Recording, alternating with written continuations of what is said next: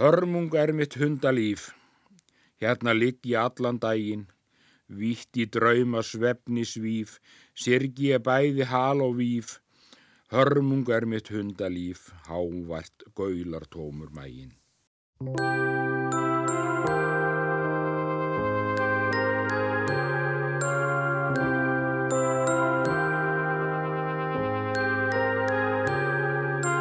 Hér heyrðum við í Gunnlaugi Snævari sem orti í orðastað hundsinsins. Ljóðið fluttan í þættinum Sumarstef í umsjón hönnu Siguradóttur. Þú ert að hlusta á glans.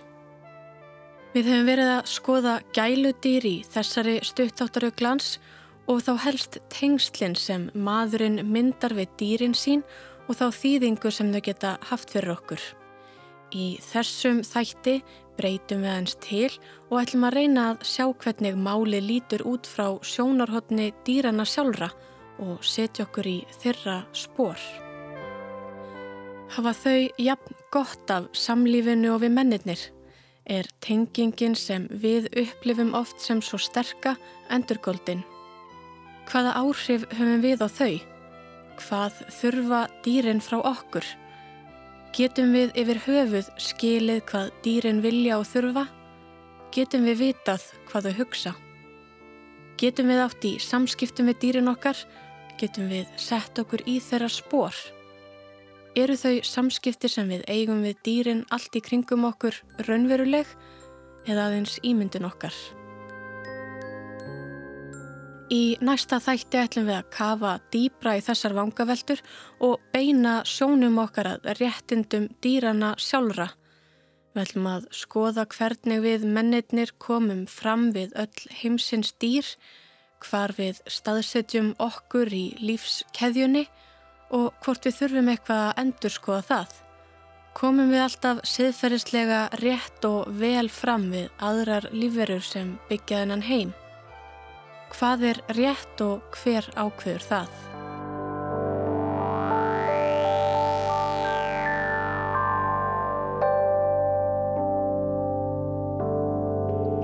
Ég spjallaði við hana Hönnumaríu Arnóstóttur dýralækni í síðasta þætti glans um missi gæludýra og sorgina. Ég stóðst svo ekki mátið og ákvaða heyra eftir í henni og fá hennar skoðun á efni þáttar vikunar. Halló. Sæl og blessu hana, þetta er Katrin hérna aftur.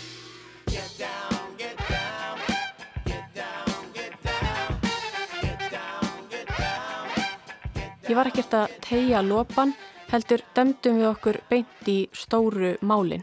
Hvað vilja dýrin og hvað þurfa þau og getum við vitaða?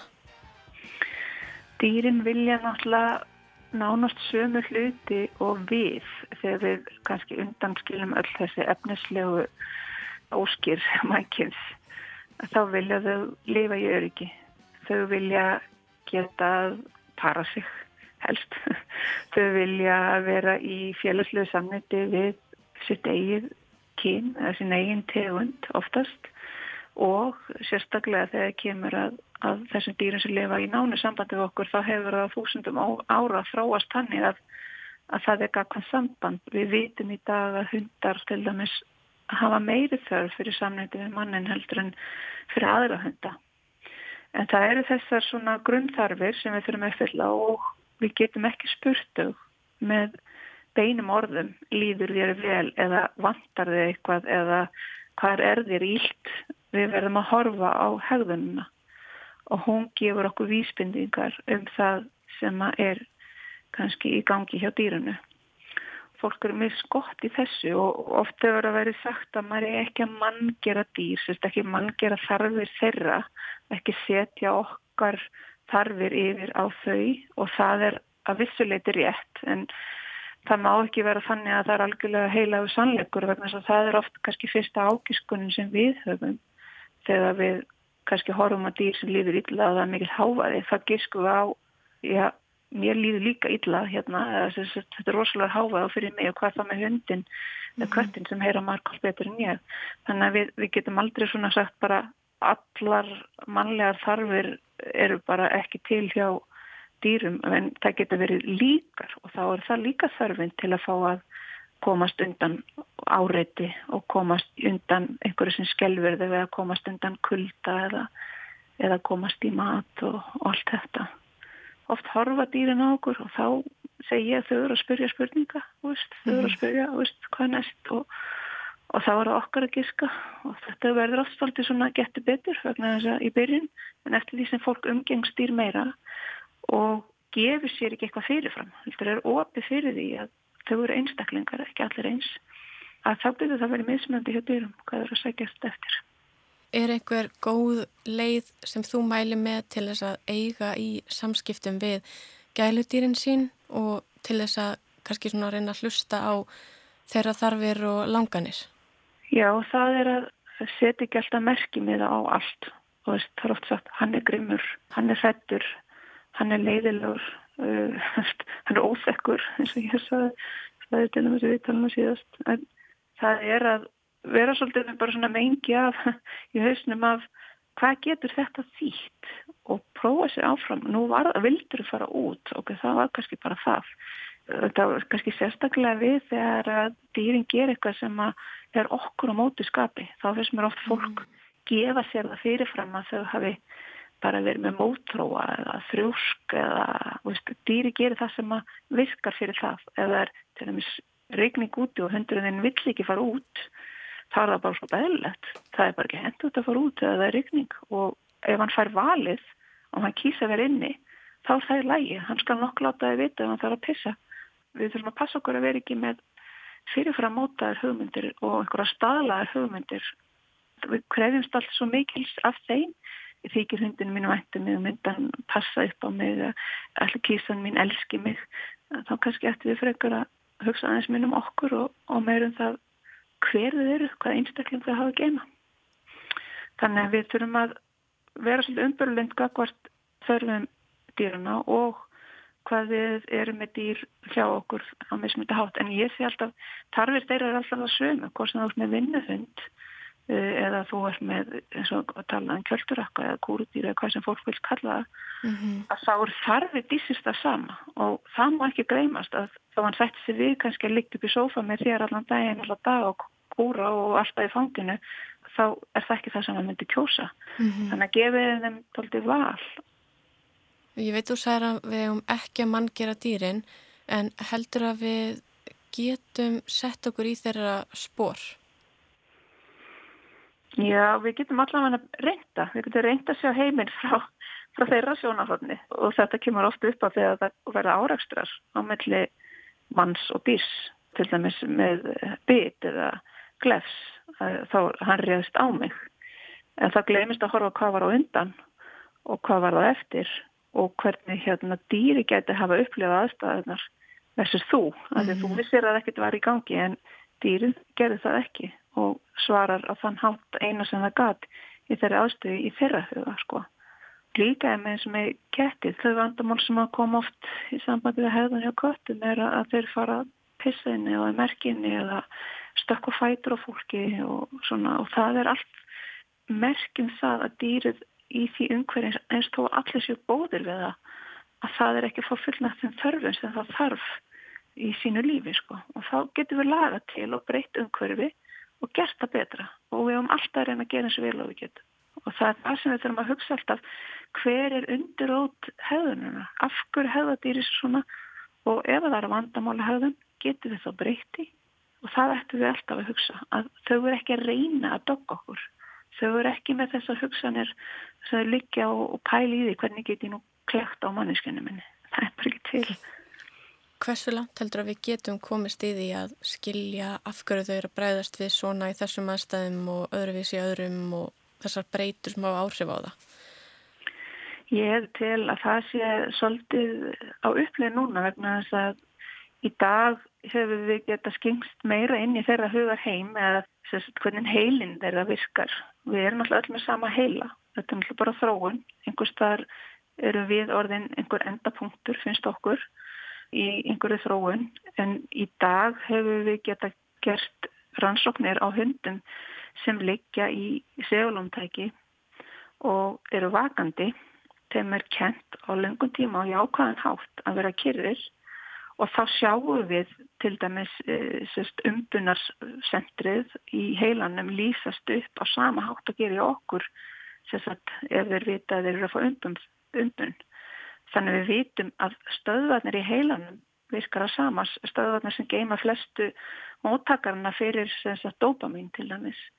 Áður fyrir höfum við bara að gefa okkur að það sé ekki þarna, annað en bara hálfgerð rópat hefðun. En það eru tilfinningar þarna og það er mismunandi og, og þetta er bara heimur sem er að opnast kannski á núna síðustu 5-6 árum sem að gefur okkur von sem höfum trú á þessu til þess að við getum frætt um heiminn eða þá sem að hafa jafnvel verið vantrúar fólk á þetta að, að þú getur ekki neitað í syndunum. Það er eitt og svo líka bara eftir því sem við skoðum hegðun meira og meira og, og leggjum við hlustu við augunum eins og ég segi, þá sjáum við alltaf meira og meira og við þurfum bara að vera sérst, vakandi við því og ekki tólkað alltaf að fyrstu viðbröðum okkar heldur að, að setja þau samengi við aðstæðar.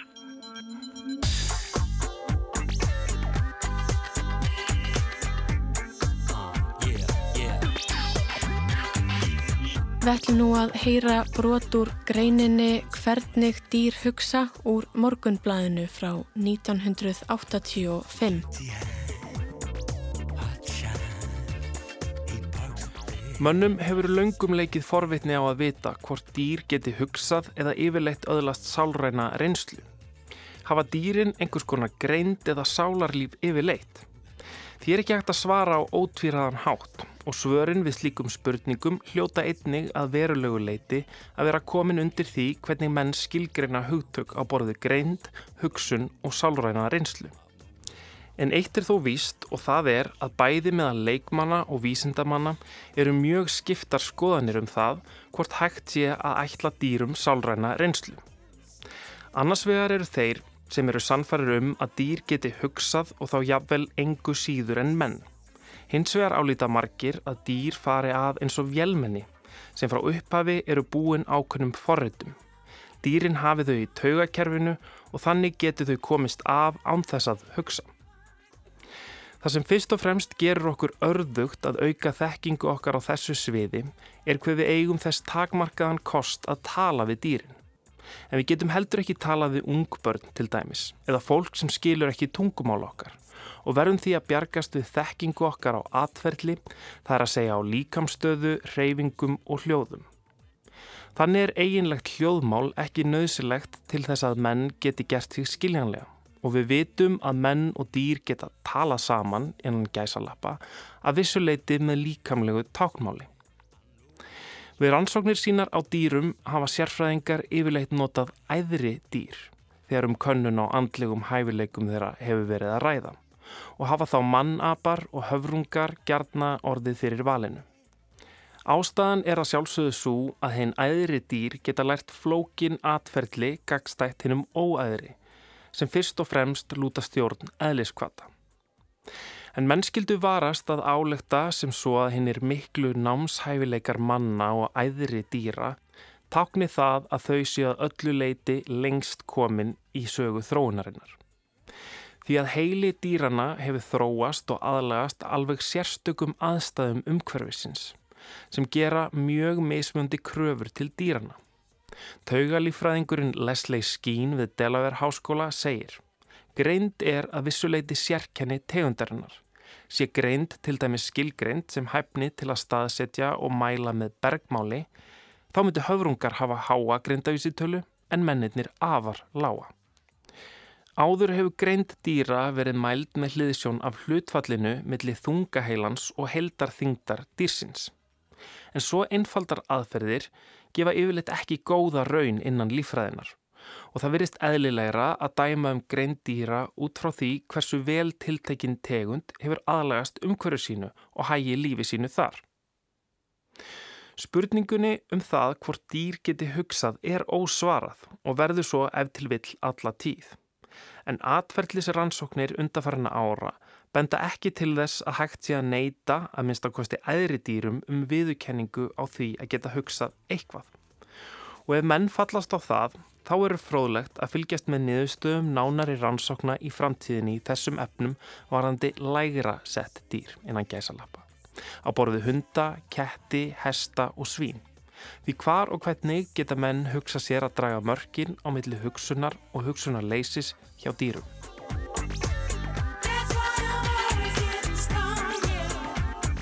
Hunda atferðlisfræðingar. Maður hefur hýrt af því starfi. Já. Hvernig virkar það starf og hvernig er hægt að lesa í atferðlið þeirra og, og sjá hvernig þeim líður andlega og þess aftar? Atferðlisraðgjöf fælst í því að taka á þeim vandamál sem kom upp, greina þau og finna ráð til þess að breyta út af. Oftast er þetta til að láta dýrinu líða á annan hátt í aðstæðan sem kannski vöktum með í óta, mm. eða hraðslu eða kvíða og breyta því í raun og veru og við vitum að þau finna fyrir öllu þessu, sko mér er að segja fiskar, þeir finna fyrir kvíða, þú myndir gefa fisk raflost í hverskipti þegar mann færi yfir í annan hluta búrsins, þá myndir hann eðla forðast það og ef við setjum í vatnið kvíðalif hjá fiskum þá verða það minnarhættir. Þannig að þau eru alltaf með þessa móttakara en atverðlismótun eða atverðlismeðferð fælst í því að að færa líðan þeirra á betri stað í aðstæðan sem áður vöktu þeim erfiðleika. Og svo er það líka svolítið bara að fólk takti það að dýrið er ekki að gera neitt með vilja. Þetta er oft búið ganga á lengi og fólk er orðið þreytt og langþreytt og jáfnvel komað mjög þegar að leita hjálpar og þá er alltaf erfiðar að vinda ofan af. Veist, allt þetta félst í því að, að veita ráðgjöf með atverðli. Það er að laga orsökina, koma í veg fyrir hana eða breyta hefðun dyrsins í kjölfarið og gera eitthvað sem var slæmt að góðu. Og hvaða andlegu vandamál eru helst að hrjá gæludýrin okkar, og til dæmis hunda og ketti? Hjá hundum er það mest, myndi ég segja, aðskilnaða kvíði. Þetta eru hunddýr sem að binda sínu fólki mjög mikið og finna til uh, vannmáttar og hræðslu þegar þau eru skilin eftir einn það verður svo að kvíða að því þau lesi allt atverðli okkar þegar við erum að búa okkur undir að fara og þau standa á geltinu eða væla eða skemma hluti eða pissin eða kúka. Allt þetta er merkjum bara gífurlega ræðslu og kvíða. Og þessi dýr hafa verið skömmuð svo kemur einhvern heim og verður náttúrulega alveg brjálagur og eru skömmuð og dýr sem er hrætt og er skammað það verður ekkert minna hrætt mm -hmm. það verður bara meira hrætt þannig að það eigur bara á vandan Það er þetta og hundar geta verið viðbrynnið við aðra hundar. Eh, hluta af þessu er erfællegt og hluta af þessu er umhverf. Eh, margir hundar sem kom úr sveitum landsins, indislega hundar en hafa ekki kannski komist í kast við það sem getur tryggara óttahjóðum þegar við koma í bæinn. Þannig að í byrjun þá gengur ágætlega með þeim og svo fara það að svona þróa með sér sæðslu og, og jafnvel gelta á, á fólk og gangandi og, og eru jafnvel þá kjölfarið kerði nýður eða skammaði fyrir það sem að þeir fara að tengja við það að sjá fólk að þá verður einhandi minn reyður og þetta lítur á ræðilegt mm. og allt verður verða. Það er svona kannski helsta hjá hundum, eh, viðbrifnir við fólki og dýrum. Svo er með kettina þá er það að merkja inni. Þetta það sé svona mest ríkjandi. Mm. Það er byrja að merkja inni, byrja að pissa inni. Jafnvel ketti sem fara inn og út ketti sem er eldast og þá er það vegna að það er einhver annar í annarkostu breytingur að heimili eða köttur sem að hann ófrið að sjá annan kött út um glöggan og þá tryggast þessi þörf að ég þannig að öruglega að tryggja mig svæði hér og ég kemst ekki út til að merkja það þannig að ég merkja mig bara inni. Það er alveg ótrúlega margt mikið sem að getur komið upp á. En blessunarlega er það ekki, segja, ekki meiri hluti dýra sem glýma við það. Og hegðun okkar spila líka inn í fólk sem er frekar stressað eða töðavekla, það á frekar töðavekli dýr. Mm. það smittar, smittar yfir. Og hvernig getum við passað upp á andlega helsu dýran okkar? Um, þetta er stór spurning mm -hmm. er það ekki bara með því að vera vera mannleg með alla þessa góðu mannlega kosti að að sína uh, samkend og lesa í dýrun okkar. Er ég að fara með, ég ætla að fara með hundi með hann að lappa nýra á torg 17. júni, hann er með skotti niður allan tíman og másandi er honum að líða vel, ég vil hafa hann með mér en er það einhver réttur þinn að fara með dýrið hvers sem þú vilt fara með það. Bara þér finnst það að ég að fá að fara út um allt. Það er líka rétt hvert hundinum að horfa það hvað er honum fyrir bestu. Hvað líður honum best, hvað er upplýðið honum öryggi? Og saman með kettina eða úr með hvað sem er inni 24 tíma sólarhengsins þá verður þú að gefa að þér meira heldur en bara klappa hann þú kemur heim og setja mat í skálinu mm -hmm. þú verður að leika við hann. Þú verður að auka umhverju hans þarna heima Mm -hmm. Það er svo margt svona litli hlutir. Það skiptir ekki máli fyrir hvaðan á marga bolta eða bánsa eða rúm eða kvartin. Það skiptir máli að við sinnum þeim. Og kannski að því að við tölum ekki sama tungumál að þá eins og segir er þetta kannski þá bara æfingi að prófa sig áfram og reyna að hlusta og skilja. Já og það er geysilega mikið að efni á netinu sem er gott uh, merkjamál, hunda merkjamál katta ekki bregðast við ef að dýrið gerir eitthvað með því að refsa því. Þú getur stoppað af og ef það stoppar í höfðinu þá rósar því skilur, en ekki láta það verið fyrst að rjúka í það og keira það niður í jörðina. Mm -hmm. það er engin vinnu sem gerir það við annan vinn þetta snýst ekki um það að ráða. Þau eru aldrei að reyna að ráða. Þau eru ekki að reyna að ráða yfir okkur eða ef að hundur liggur til dæmis það er oft þessa spurningu hundurum minn hann liggur upp í sofa hjá mér. Ég ætla að setja sjá hann eða dótt minn ætla að setja sjá hann og hann urrar létt. Mm -hmm. hvað er ég að gera? Þá segja þá stendur þú upp og þú segir hendurinn að fara upp niður. Ef hann vill ekki fara niður þá hendur einhverju nammi niður og segir niður. Þannig að hann mhm. læra að fara niður. Urri er rosalega kurtist urr er viðvörun. Það er bara eins og ég lægi upp í sofa og einhver alltaf knúsa mig og ég segi látt niður þeirra ég er mhm. ekki reyna ráðið við viðkomandi. Ég bara vil ekki láta tröfla mig. En það er oft talað á þeim nótunum að þau eigi bara að láta allt gangi yfir og þá eru við eiginlega komið svona í ljósi umræðin í dag þú veist bara þá eru komið svona þræla samskipti, skilur ég má allt gera allt við þig. En, en það er til góðir mátar að kenna dýri aðra hegðun í staðin fyrir þá sem það á ekki sína. Ekki bara skamma það, það verður að fá að vita hvað það á að gera ekki bara hvað það ekki gera. Þannig að það vantar kannski aðeins meiri gagnkvæmni og meiri samskipti, ekki svona samskipti í eina átt?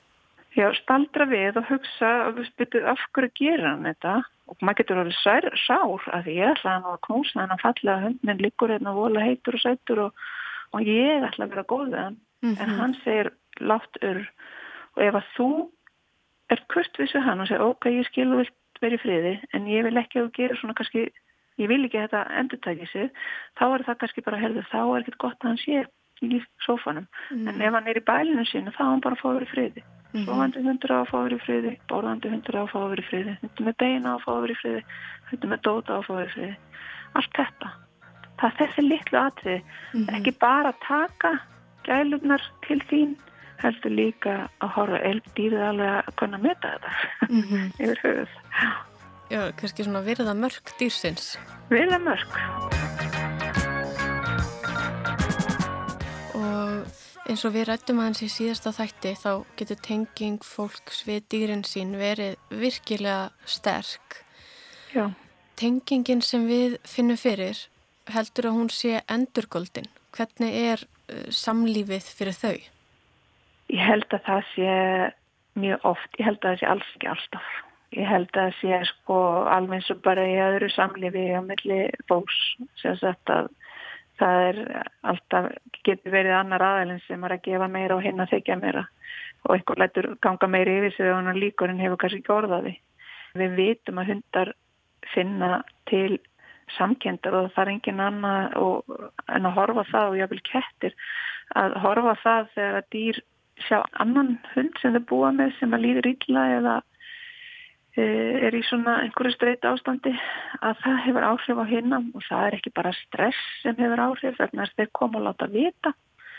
Fólk sem er með hund sem hjálpar hund þar sem að, sko sambandi verður mjög náið að þá er þeir með gætur á viðkomandi vegna þess að þeir eiga sinna sínstan en það er ekki bara vegna þess að þeir vita er að gera það heldur verðar að finna til samgjendar eða finna til þess að þeir eru að hjálpa annars getur þið bara verið alveg mökk sama á förstagskvöldi að því að það var að kvíla sig skilur.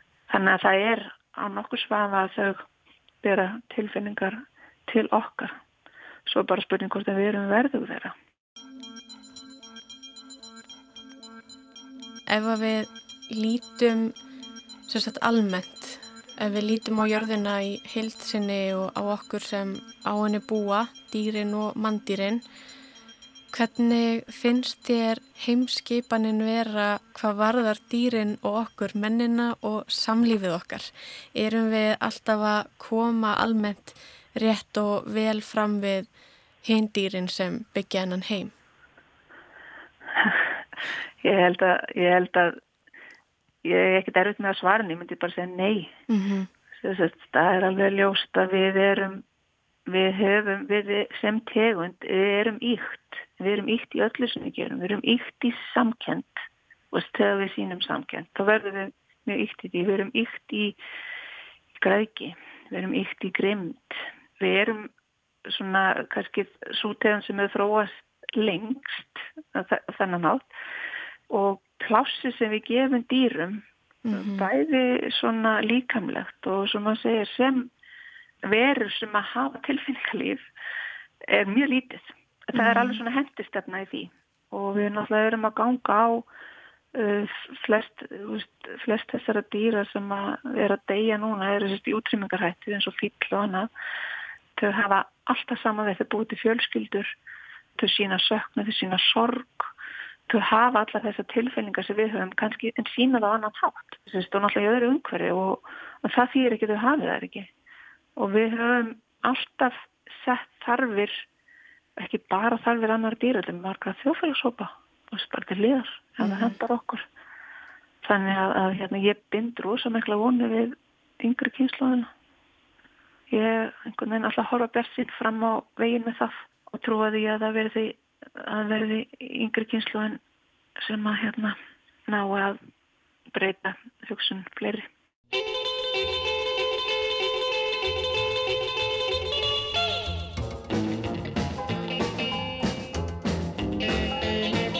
Ég heiti Gunnar Theodor Eggertsson, ég er rithöfundur og fræðimaður, mentaður bókmyndafræðingur en hef séraf mig í dýrasiðfræðin og í rauninni því sem ég kalla menningarlega dýrafræði. Það er að segja að skoða hvernig viðhorf okkar og hugmyndir um dýr endur speklast í menningunni, bókum og listum og, og já, öllum mögulegu í rauninni sem dýr komum við sögu.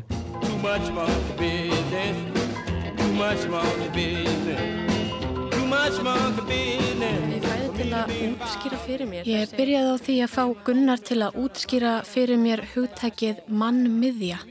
Eftir að hafa oft rekist á það við rannsóknarvinnu fyrir þáttagsins var ég farin að skilja að það var líklega grunn hugtak í umræðinu um dýra velferð og dýra siðferði og vildi reyna að skilja það betur.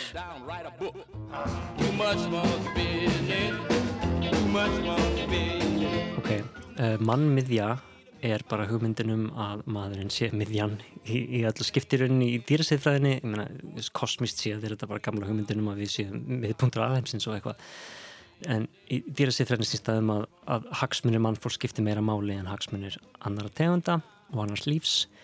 Og jafnvel þótt um sig að ræða mjög litla hagsmunni hjá mannfólki, jafnvel einhvað sem myndi ekki eins og telast hagsmunir bara nöytt og, og svo kannski mestu hagsmunni annar lífur sem er líf og dauði að, að það skipta ekki máli að allt sem maðurum vill í rauninni hafi meira að segja og hafi meiri, meira gildi.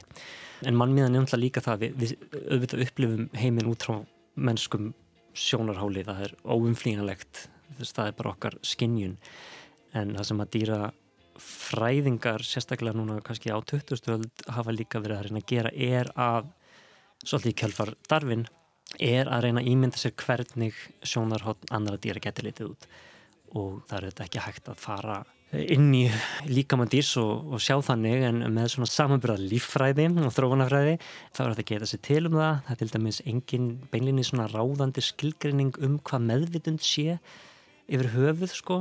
En 2012 þá komum saman vísendamennir á Cambridge allir og settu fram mikla yfirlýsingum um það að það verður búið að leysa þetta mál núna. Ok, við vitum kannski ekki alveg hvað meðvitund er en við vitum það að ef mannfólk er með meðvitund þá eru dýrin líka með það sem náttúrulega kom dýrafræðingum ekki óvart við erum að vita þetta ansi lengi en þetta var svona einhvern veginn búið að rannsaka og mæla lengi, lengi vel lítur hensbyggisöguna þá hefur dýrum verið neitaðum tillit vegna þess að þau hafa ekki tungumál og að þau séu ekki eins og við, þau séu einhvern veginn jarneskar og við séum með þessa heilugu sál.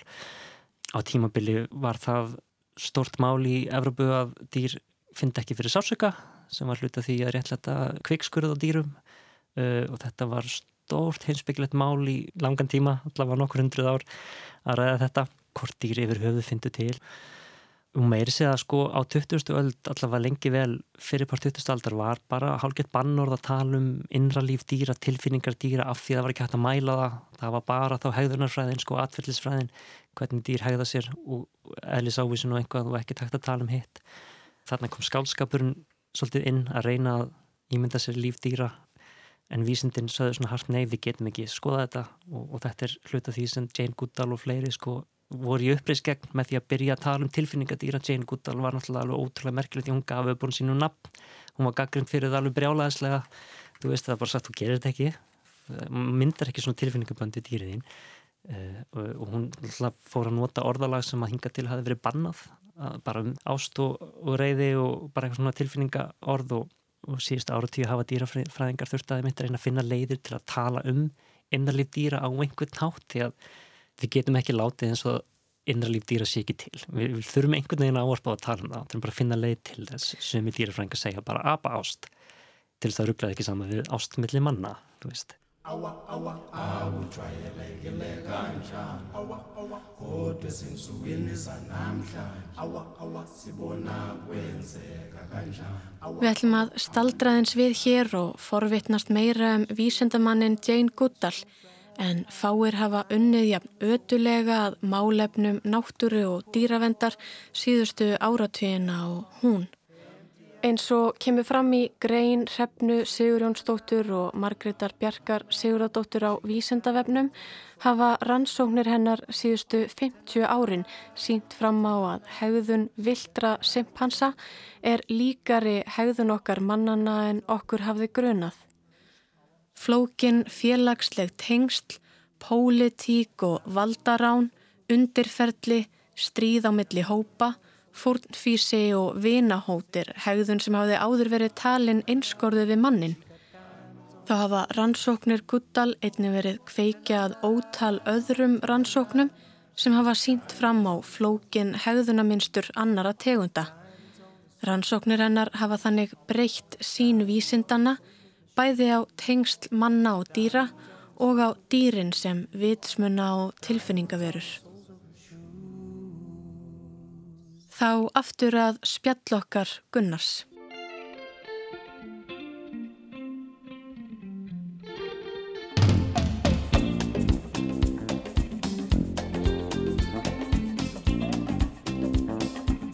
Þegar við erum bara með okkar sögu og reynslu og allt sem við kannski gerum og hugsaum byggist á því svolítið, getur við einhvern tíma gert okkur í hugalund hvað við vilja þurfa, hvað við hugsa?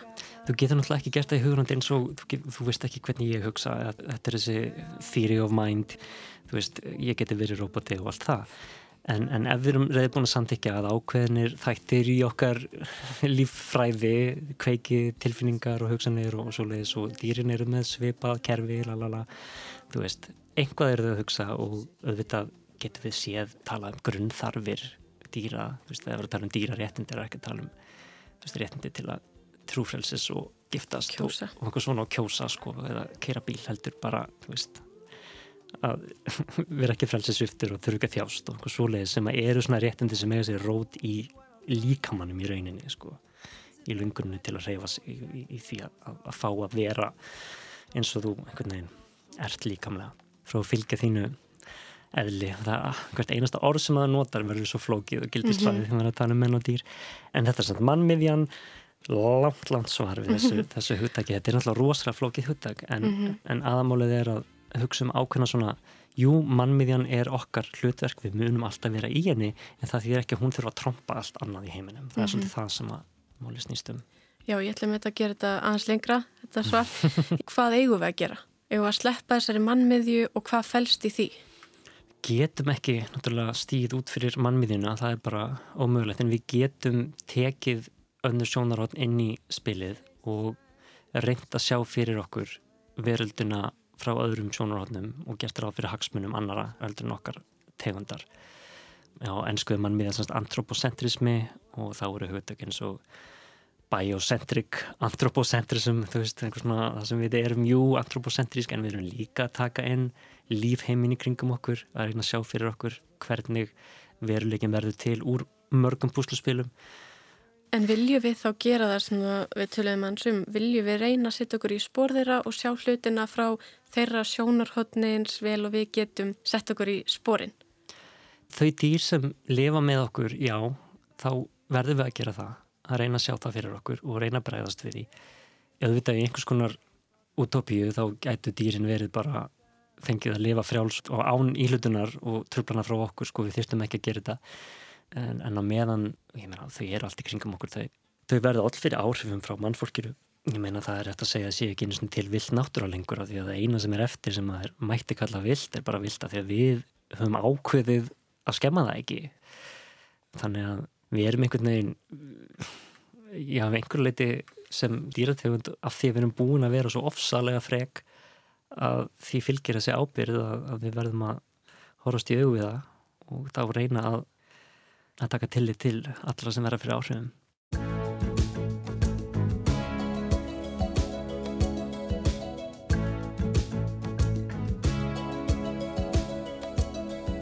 Doktorsritgerðin þín fólst svolítið í því að skoða þetta sjónarhátt dýrana. Doktorsritgerðin mín var um dýrasögur og ég var bara tilbúin að fara að skrifa um dýrasögur og aftur að mikið átti ekki þess að eða svona 200-300 blaðsögum í einhver svona kynna mér heimsbyggi og dýrafræði um hvernig er yfir höfuð hægt að tólka heim dýra í gegnum tungumál og texta og niðurstaðan í örstutumáli er það er hægt á mjög sjálfsmeðvitaðan hátt og með mhm. ákveðni fjarlægir alltaf og bara vita að dýrin er að hugsa einhvað, við getum ekki vita nákvæmlega hvað en þú veist það að við ímyndum okkur einhvað í líkingu við það er í rauninni merkilegt og í rauninni siðfræðilegt mál sko, að við gerum ekki ráð fyrir að sé einhvern veginn. Og dýrasögðan sem ég var að skoða eru sögur þar sem að dýr eru aðpersonur skrifað oft út frá þeirra, þeirra sjónarhóttni íslenska sögur og erlendar. Þetta er allt gamlar sögur, 19. aldarsögur eiginlega langplæstar og einmitt nátengta dýravöndunar bara þenni á 19. öld skrifaðar, jú, af reythöfundum sem hafði bara áhuga á að skrifa út frá öðrum dýrum að þeim fannst það spennandi en líka af því að þeir þeim var andum að opna augur lesenda sinna fyrir því að dýr bara það að þau hugsuðu og fyndu til og hefðu tilfinningar veist.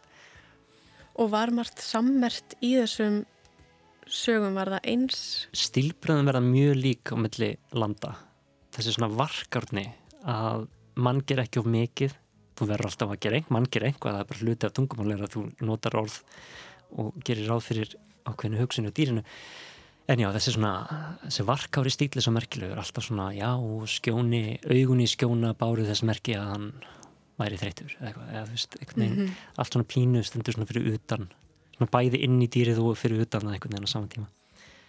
Voru rítthöfundarnir að ímynda sér að dýrin hugsa eins? Sko, sömur höfundarnir voru bara virkilega spenntir, bara voru að lesa darfin og það var bara allt í hún bara að opna nýjan heim fyrir þeim og einn kanadískur höfundur talaði um sjálf og sig sem bara landkönnuð í þessum nýja heimi, þú veist, það bara var spenntur að fara og reyna að sjá heiminn og raunin bara kunnulegt umhverju kringu sig en sjá það út frá öllum þessum dýrum sem byggir kringum hann fannst það bara ógeðslega spennandi, skaldlega líka.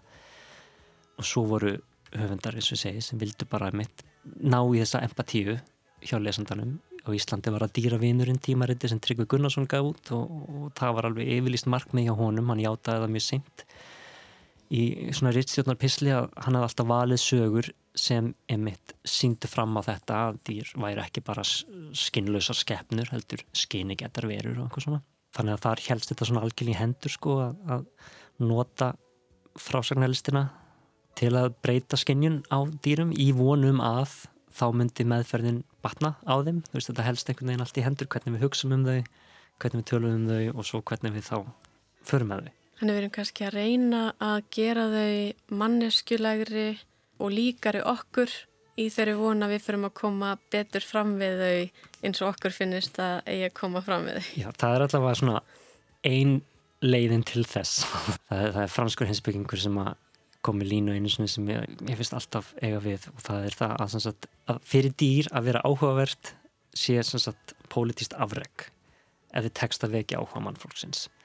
Og ég er ekki að segja það þurfi endilega að gera dýr áhugaverð minna auðvitað í ættu þau að hljóta tillit og allt það fyrir sína eigin sakir sko og þess að þurfi endilega að vekja áhuga mannfólksins en það er bara ekki alveg þannig. Og maður sér það með dýrategundir eins og alla það dýrategundir sem er einhvern veginn í útímingahættu hvaða dýr fá emitt aðeglina hákallar það hefur gengið rosalega illa að reyna að bjarga hákallum af því að fólk hefur ekki áhugaðum og ef ég maður rétt þá sko Peter Benchley sem skrifaði Jaws ókindina eh, á 8. áratögnum hann baðast bara afsökunar á þessari bók setna með sko, hann stopnaði samtök til hann að venda hákalla sko og bara hafði bara einhvern veginn djöfulgert hákallin fyrir öllum heiminum með þessari bók og alltaf Steven Spielberg síðan með myndinni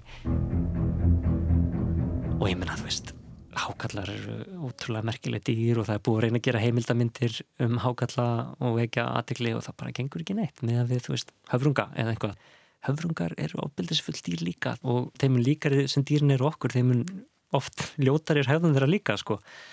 En þú veist, við elskum höfrungana en skýtsam hákallana. Það er líka Sá, það sem þessi menningalega dýrar frá þessi snýstum er, þetta er allt svo handáðskend. Þetta myndast allt bara einhvern veginn mm -hmm. í menningunni. Þetta er bara svona einhver svona gröður. Þess vegna þegar dýrasiðfræðingar koma fram og segja bara hvað ég er búin að rekna þetta út, hérna er formúlan, samræmi í þessu og þessu og þessu og þess vegna eigum við öll að hafa svona eins og Peter Singer og fleiri gera.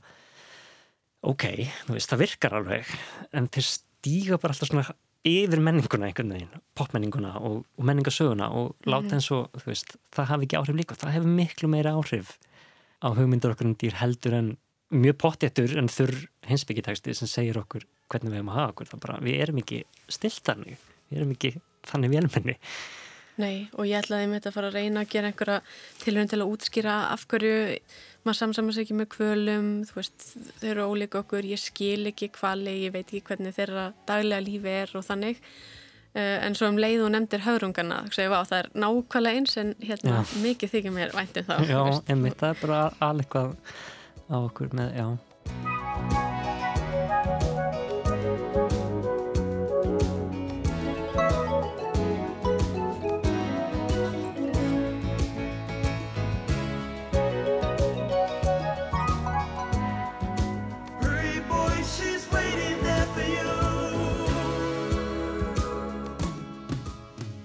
Tilgangur dýravendunarfélaga er sá að vekja hjá mönnum andstigð á yllri meðferð á dýrum og ennfremur að vekja velvild til þeirra og tilfinningu fyrir því að menn hafi siðferðislegar skildur gagvar dýrunum. Dýravendunarfélag Danskra Kvenna hefur þegar gefið út bækur á dönsku í þessum tilgangi og vildi einni koma sínum mannúðarfullu tilraunum til Íslands. Hafði það því í ráði að láta koma út nokkuð á prent um þetta efni á íslenskri tungu. Þegar ég heyrði þetta þótti mér mjög vænt um það. Ég hafði lengi óskað að eftirtækt manna á Íslandi væri vakin á því að meðferð á dýrum þar þyrst að vera betri en nú á sér stað og að meiri hlýfð, velvild og meðöngun við skeppnur væri innrætt landsmönnum en hinga til hefur almennt verið sínd. Þetta ritaði Tryggvi Gunnarsson í formála ritsins Dýravinnurinn þann 25. mars 1885. Þar skrifar hann einnig Dýrin hafa meiri tilfinningu fyrir góðu og vondu atlæti en flestir halda. Þau eru sjálf varnarlaus gagvart grimdar fullri meðferð mannana. Þau get ekki mælt og ekki kært fyrir domstól mannana þó illa sér með þau farið.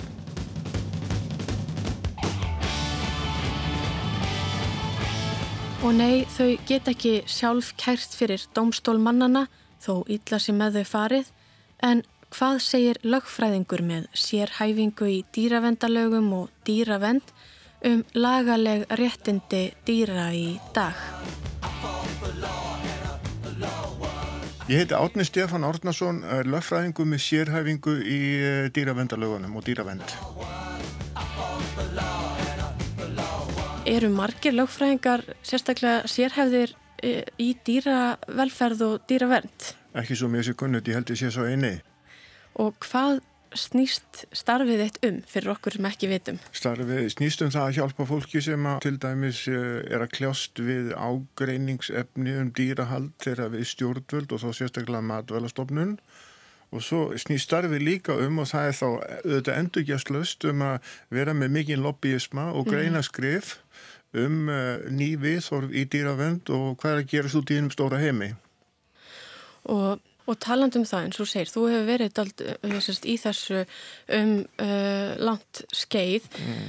Hefur þú fundið fyrir því að meðvitund okkar um dýravendunar og velferðarmál og viðhorf okkar til dýra og dýravelferðar hafi breyst? Já, hún er að breytast hægt og rólega jákvæða átt fyrir dýrin og það er bara gleði efni vegna því meira sem er hamrað á þessu umræðu efni því betri árangrin er maður og ef maður er málefnalegur og útskýra mannamáli fyrir fólki hvað maður er að fara með sínum skrifum þetta má ekki vera ómikið lögfræði í svona tali mm -hmm. við þurfum að skilja það að dýr eru ver, verur eins og við sem hafa tilfinningar að hugsa og uh, það getur engin uh, sanna það að til dæmis bara einn kind hún sé eitthvað rétt minni en maðurinn maðurinn hefur aldrei geta þó að hann uh, setja sér hæstan í, steganum af öllum dýrunum þá hann aldrei geta raukstutta akkur hann er þar hann bara setur sér þar Hér er ég með no þó nokkra spurningar, Já. ég staldra við þetta. Í rauninni fyrst þannig að það sem þú segir sko að, að dýrin hugsa og og þau hafa þarfir og ég hef séð einmitt sagt að þau séu einstaklingar alveg eins og við en hvernig getur við vita þetta? Er hægt að vita hvað þau er að hugsa og hvað þau vilja og þurfa? Já, það er náttúrulega, það fyrsta sem við vitum er það að þau hafa ákveði náttúrulegt eðli. Það sjáum við öllum þáttunum hans Attenborough. In this tree there is one of the most extraordinary plant predators. It's one animal that I don't need to sneak up on. Bú! Þess að hafa ákveðið náttúrulega dæli og þau jafnvel hugsa fyrirfram. Við tökum dæmi, við getum tekið eh, fóristu söðfið. Fóristu fyrir það hefur þann eiginlega að það er eh, næmara fyrir veðri en maðurinn og fóristu söður eða, já, hann dregur sína hjörð, fer með hjörðuna undan veðri. Þetta gaf maður einu sinni gert, en hann kann þetta ekki lengur. Hann þarf að hlusta á veðusbátið þess. Það er ímyndilegt fleira. Mm -hmm. Krían til dæmis. Krían flýgur allarleið frá Afriku til Íslands til þess að verpa og koma upp ungviði. Engi syklingatæki. Það er bara þessi litli heili. Eh, ef maðurinn ætlar að gera það sama þá þarf hann gríðarlega mikið útbúna til þess að rata sömu leið. Þarna sjáum við ákveðna yfirburði. Dýr eru verulega vanmetin að þessu leiti. Að hinum punktunum sem við varum að tala um, þetta með að maðurinn sé rétt herri í rauninni og við höfum ákveðið það en eru ekki einhverjar ástæður fyrir því að við höfum ákveðið það eða er það bara því að við kannski skinnjum okkur sem miðjupunktin? Ástæðin er líklega svo að maðurinn hann náttúrulega er svo lífvera sem hefur þann eiginleika að hann hugsa dýfst, hann, hann er alltaf að hugsa eitthvað nýtt og alltaf að finna upp eitthvað nýtt og hérna hann telur sér bara yfir önnur dýrhafinn mm -hmm. en ég hef aldrei heilt rauksendina fyrir því og ég, þegar ég horfi á bara ánamaðk í moldinu heimaði á mér í blómumbiðinu þá hugsa ég oft ég er ekkert merkilegur en þú ánamarkur þú þjóna þínu hlutverki þinnhátt ég bý í þessu stóra húsi og uh, mín dýr og, og hef gaman að lífinu. Og þú er það að ég hef gaman að lífinu bara allt annan hátt. Þannig að kannski líf okkar mannana er ekki endilega meira verði heldur en líf ánamaðksins Já, hún er allavega jörðin ekki til framdráttar Ég meina við erum að skemma jörðun okkar. Og taland um það sko, bæði að við skilgjum okkur kannski sem svona merkilegar en, en aðra verur í rauninni, mm -hmm. mætti fara rauk fyrir því og uh, líka sagt, í náttúrunni þá er það svona stóra og sterkasta dýri eða klárasta og slungnasta dýri sem kannski ræður eins og ljóni sem borðar sebrahest og slanga sem borðar mús og þess að þar. Mm -hmm.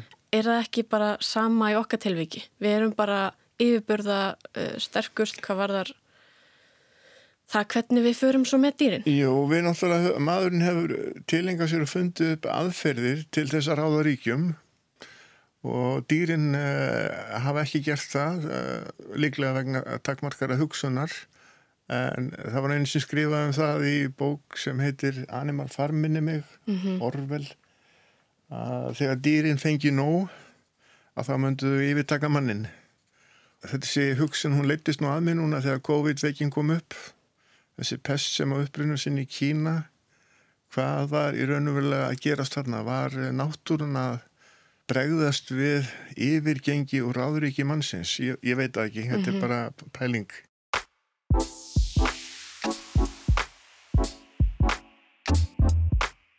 Ég sá sérsagt að Kant hafi sagt víst einhver tíman að til þess að setja lög og reglur sem eru hvað sangjötnust fyrir dýrin þá þarf að skrifa þau frá sjónarhóttni dýra og dýrin þurfa að geta samþygt þau og samþygt að þessi lög væri það sem væri þeim fyrir bestu er einhver leið eins og talar um að hagsmunaðilar semja lögin er einhver leið til þess að fá sjónarhótt dýrana að borðinu? Kant er góður Já, auðvitað meina það er, ef við ætlum að semja lög sem eiga að venda dýr og eru skrifuði þeirra þáu þá er okkur skilt að setja, setja okkur í þeirra spór og spurja hefði dýrið sagt já eða nei og ég get lofa þér einu að þú myndir spurja allar búfjártegundir að þessu má ég fara með þig í sláturhús þau myndir öll hrista hausin er það ekki nógu gott svar? So I love my dog as much as I love you Í næsta þætti ætlum við að kafa betur ofan í réttindi dýrana mannin sem miðju heimsins og ímislegt fleira. Við ætlum nú að heyra meira af ljóði Gunnlaugs Snævars sem hann orti í orðastað hundsins síns og við heyrðum brotað í byrjun þáttar.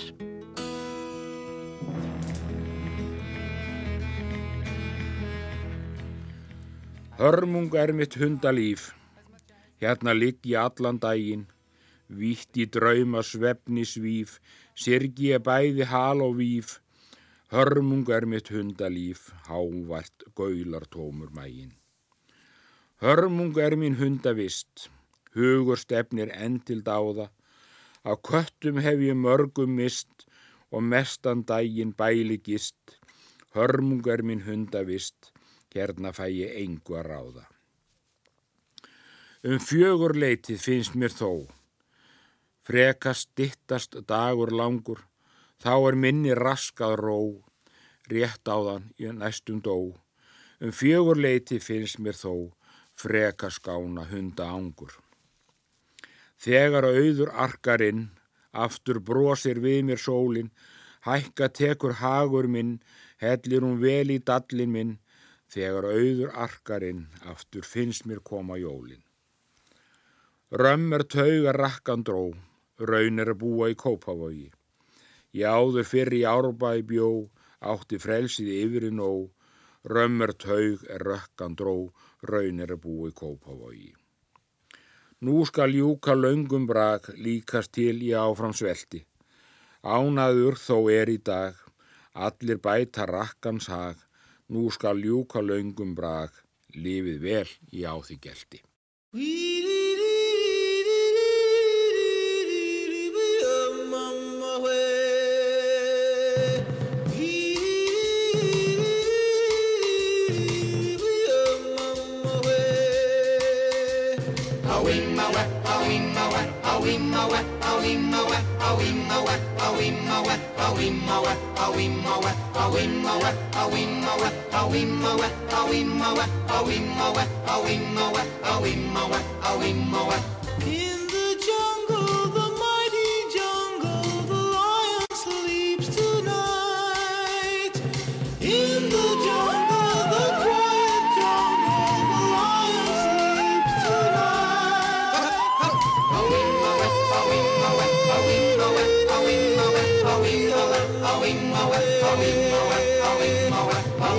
Halloween, Halloween, Halloween, Halloween, Halloween, Halloween, Halloween, Halloween, Halloween, Halloween,